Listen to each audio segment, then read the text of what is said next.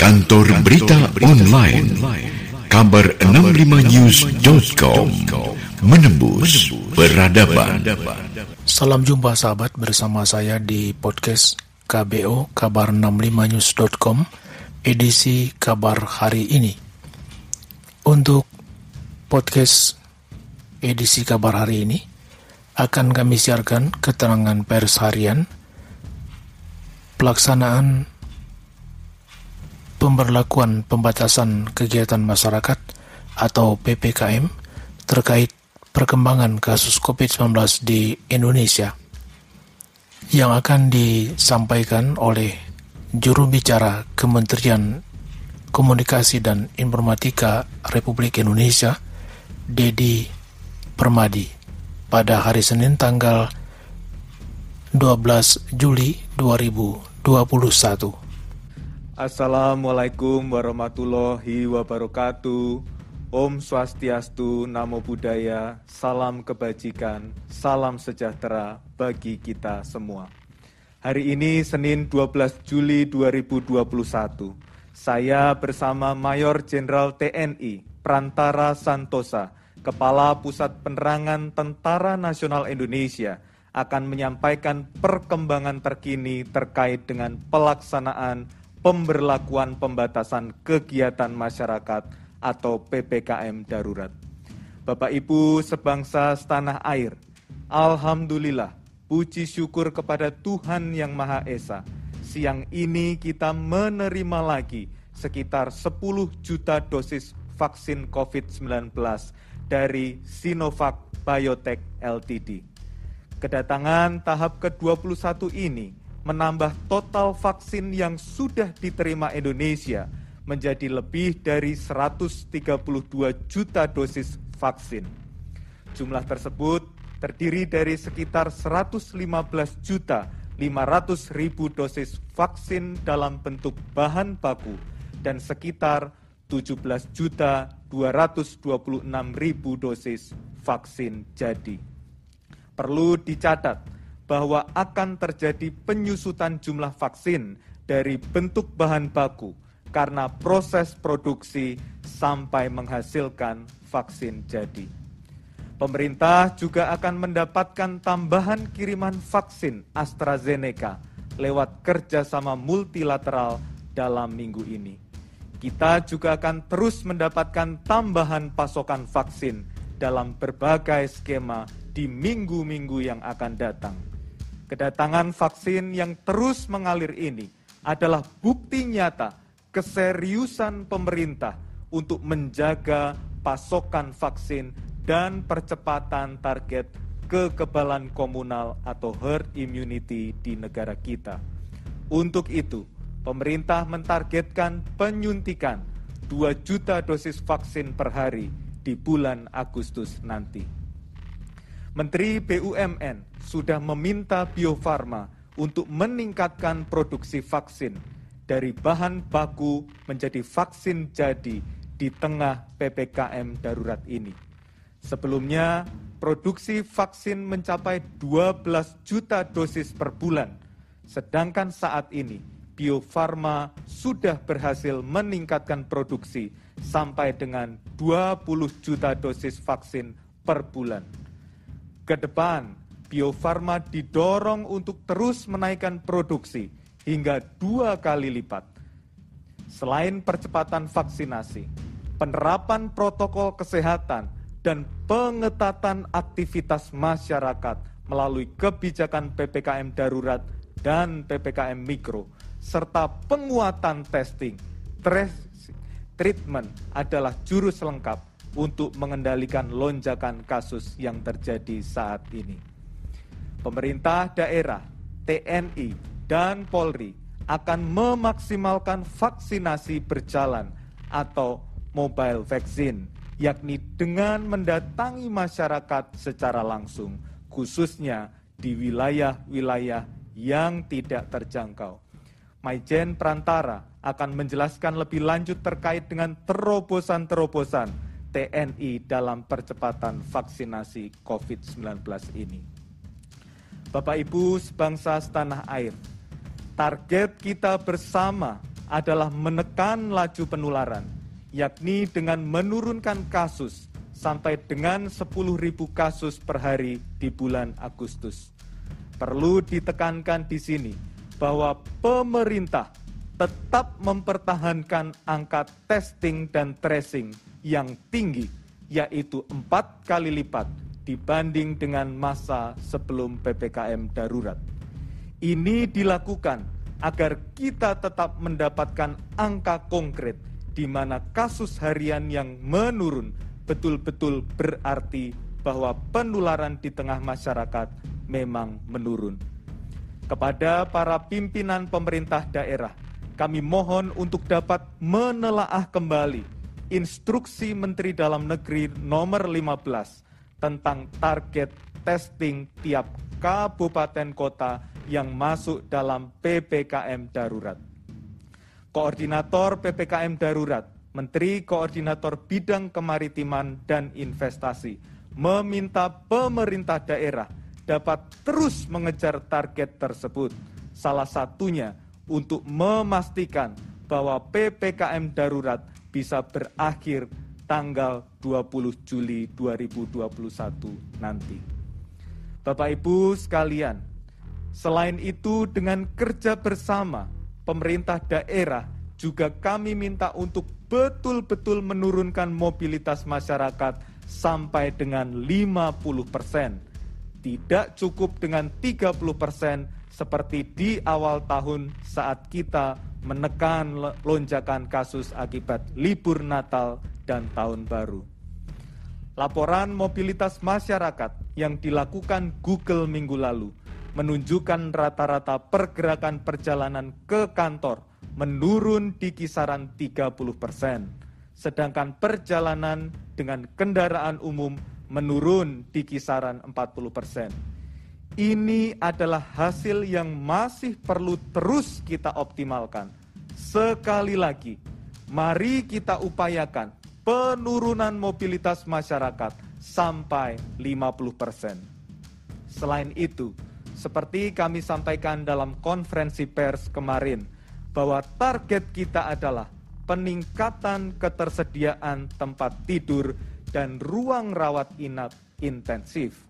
Salah satunya dengan mengkonversi tempat tidur yang sudah ada di rumah sakit menjadi ruang perawatan intensif. Upaya ini terus dilakukan oleh pemerintah sampai hari ini dan hari-hari yang akan datang. Pemerintah juga terus berupaya memastikan ketersediaan obat-obatan dan oksigen dengan harga yang stabil dan terjangkau. Bapak Ibu sebangsa setanah air, hari ini kasus aktif kita mencapai 380.797 kasus. Saudara kita yang tercatat sembuh ada sebanyak 34.754 orang sedangkan kasus baru yang terkonfirmasi positif hari ini kembali mencatatkan rekor yakni sebanyak 40.427 kasus. Dan di antaranya 891 meninggal dunia. Tak henti-hentinya pemerintah menyampaikan duka yang mendalam untuk sanak saudara yang ditinggalkan Bapak Ibu sekalian, mengingat tingginya kenaikan kasus seperti tersebut di atas, mari kita makin gencar melawan virus ini. Tetap di rumah, jauhi kerumunan, pakai masker double apabila harus keluar, dan pastikan cuci tangan dengan rajin dan rutin.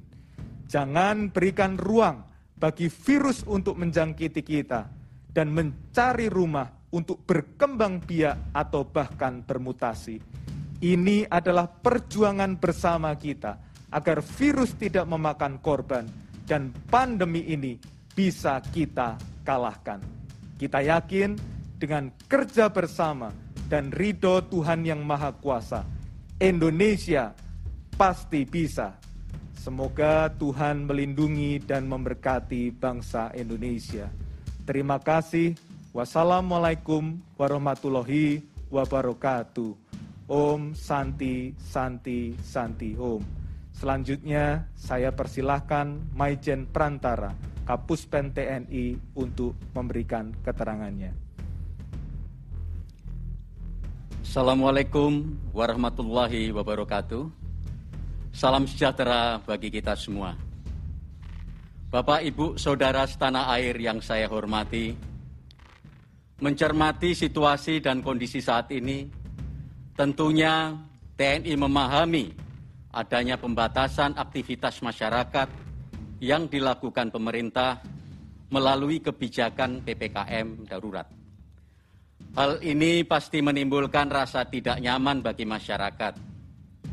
Namun, kebijakan tersebut sangatlah tepat di tengah lonjakan kasus infeksi COVID-19 dan TNI dalam misi kemanusiaannya berkomitmen bersama segenap komponen bangsa untuk menjaga keselamatan rakyat dengan pengendalian penyebaran COVID-19 melalui PPKM darurat.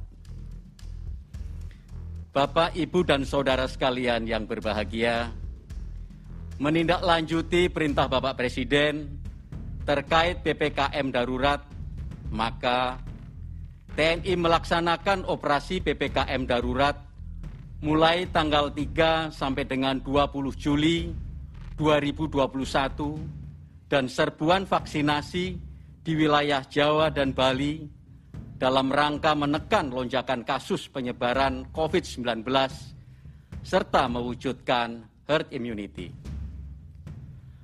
Adapun gelar kekuatan TNI dalam pelaksanaan PPKM darurat untuk Jawa dan Bali sebanyak 34.198 personel dengan rincian 22.769 personel terdiri dari Babinsa, Babin Potmar, dan Babin Podirga yang sudah terlibat PPKM Mikro Jawa dan Bali dan penebalan pasukan sebanyak 11.429 personel. Sedangkan untuk gelar kekuatan TNI dalam pelaksanaan PPKM Mikro dan PPKM Darurat di seluruh wilayah Indonesia sebanyak 63.207 personel. Bapak, Ibu, dan Saudara sekalian yang saya hormati, dalam penanganan pasien COVID-19 yang OTG atau bergejala ringan, TNI telah melakukan upaya dengan menyiapkan sejumlah 109 rumah sakit di jajaran TNI dan TNI juga ikut mengelola rumah sakit darurat Wisma Atlet Kemayoran, RSKI Pulau Galang, Rumah Sakit Lapangan Kogab Wilhan II Indrapura Surabaya.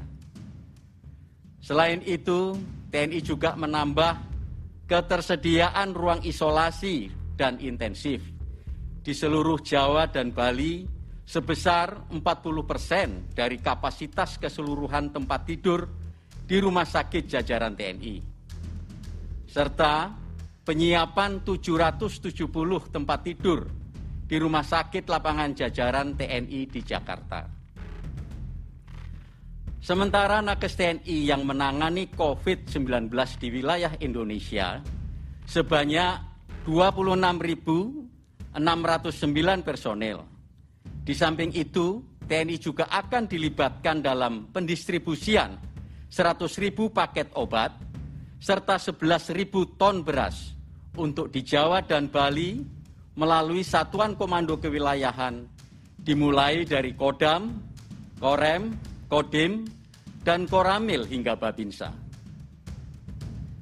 Bapak, Ibu, dan Saudara sekalian yang saya banggakan, dalam hal pencapaian target vaksinasi 1 juta per hari yang dicanangkan pemerintah, TNI mendapatkan alokasi vaksinasi sejumlah 200 ribu orang per hari. Target tersebut dilaksanakan melalui program reguler dengan memanfaatkan fasilitas kesehatan TNI maupun serbuan vaksinasi.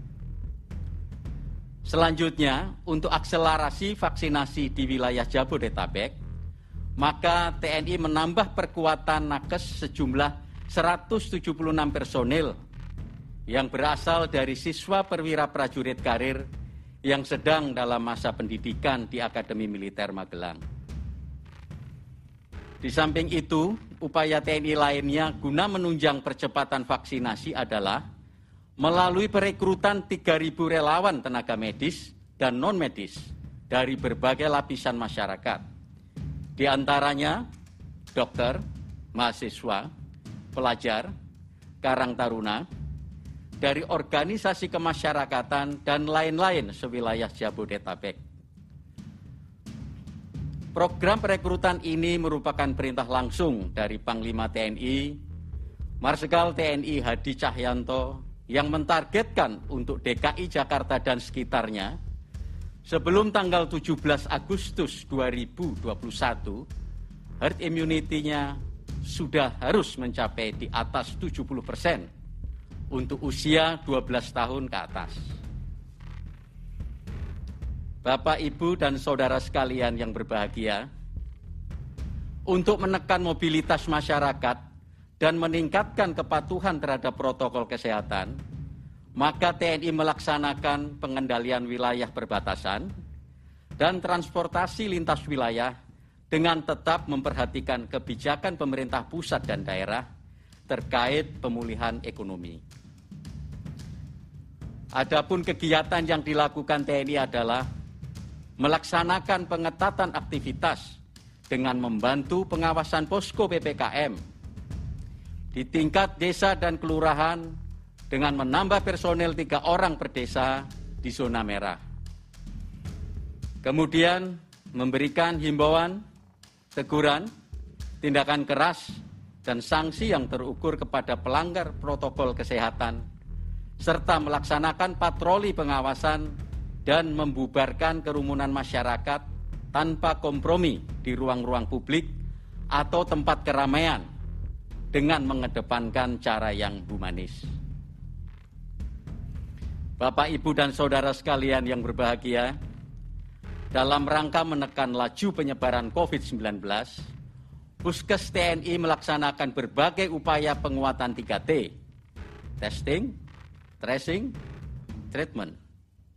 Pada kegiatan tracing, Puskes TNI di wilayah Jawa dan Bali menyiapkan 30 ribu lebih tenaga tracer yang terdiri dari para Babinsa, Babin Potmar, dan Babin Portiga yang dilatih dan disiapkan untuk membantu tracing PPKM Mikro di wilayah desanya. Untuk kegiatan testing, Puskes TNI menyiapkan petugas web baik dari petugas kesehatan Mabes TNI maupun petugas kesehatan dari Matra dan berkolaborasi dengan petugas kesehatan baik dari jajaran Kemenkes maupun Dinkes di wilayah masing-masing. Kesehatan TNI juga telah membangun laboratorium PCR hampir di seluruh rumah sakit jajaran TNI. Selanjutnya, pada kegiatan treatment, Puskes TNI berkolaborasi dengan 109 rumah sakit jajaran TNI dari matra darat, laut, dan udara. Dan dalam menghadapi lonjakan kasus COVID-19, TNI juga telah menyiapkan peningkatan kapasitas rumah sakit lapangan berupa penambahan 1.870 tempat tidur ICU maupun isolasi, serta meningkatkan fasilitas lainnya. Demikian penjelasan saya sampaikan. Marilah kita bersatu dalam melawat COVID-19. Semoga langkah dan pengabdian kita senantiasa mendapat ridho dari Allah Subhanahu wa taala, Tuhan yang Maha Kuasa. Terima kasih. Salam sehat. Wassalamualaikum warahmatullahi wabarakatuh. Demikian kabar hari ini. Kita akan jumpa kembali di lain waktu dan lain peristiwa. Saya Halim Anwar pamit undur diri. Terima kasih atas perhatian Anda dan sampai jumpa. Kantor Berita Online Kabar 65news.com Menembus Peradaban